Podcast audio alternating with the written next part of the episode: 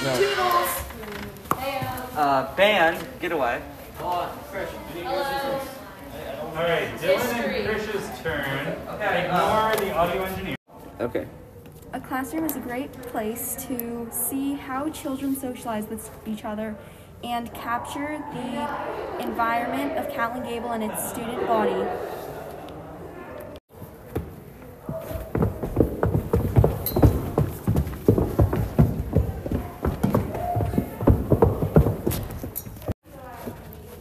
We chose to record footsteps because it captures the transition state of children and their learning mindset.